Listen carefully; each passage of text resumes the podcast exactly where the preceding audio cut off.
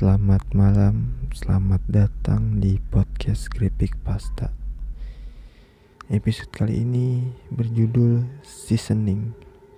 Penulis tidak diketahui. Gua harap lu gak tidur sendirian malam ini. Gua harap lu gak lupa buat kunci pintu kamar dan jendela lu setiap menjelang tidur. Atau kalau lu lupa buat ngelakuin itu, mungkin mereka bakal ngintai lu dari sudut tergelap dari kamar lu.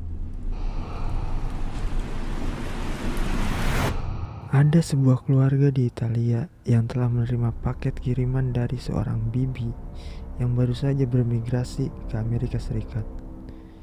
Setelah membuka bungkusan paket, mereka telah menemukan botol berwarna hitam yang berisi bubuk.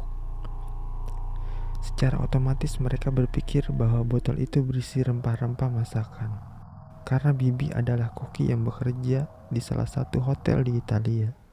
Mereka semua telah berpikir rempah bumbu yang ada di dalam botol adalah bumbu pasta seperti biasanya. Malam itu, ibu dari keluarga tersebut membuat saus pasta dengan hidangan makan malam dan menggunakan bumbu dari botol pemberian Bibi. Kali ini rasanya sangat unik, namun sangat menggugah selera makan mereka. Setelah mereka selesai makan malam, kemudian mereka mendapat kiriman surat dari pihak pos, dan surat itu dikirim dari Bibi.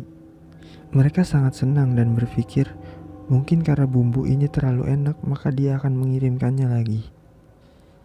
Saat itu, mereka mulai membuka amplop dan mengambil surat.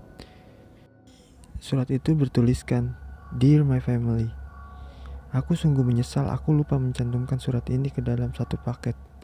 Dan aku sungguh menyesal sekali selama aku bermigrasi ke Amerika, aku tidak memberi kabar duka pada kalian bahwa paman kalian telah meninggal dua hari yang lalu.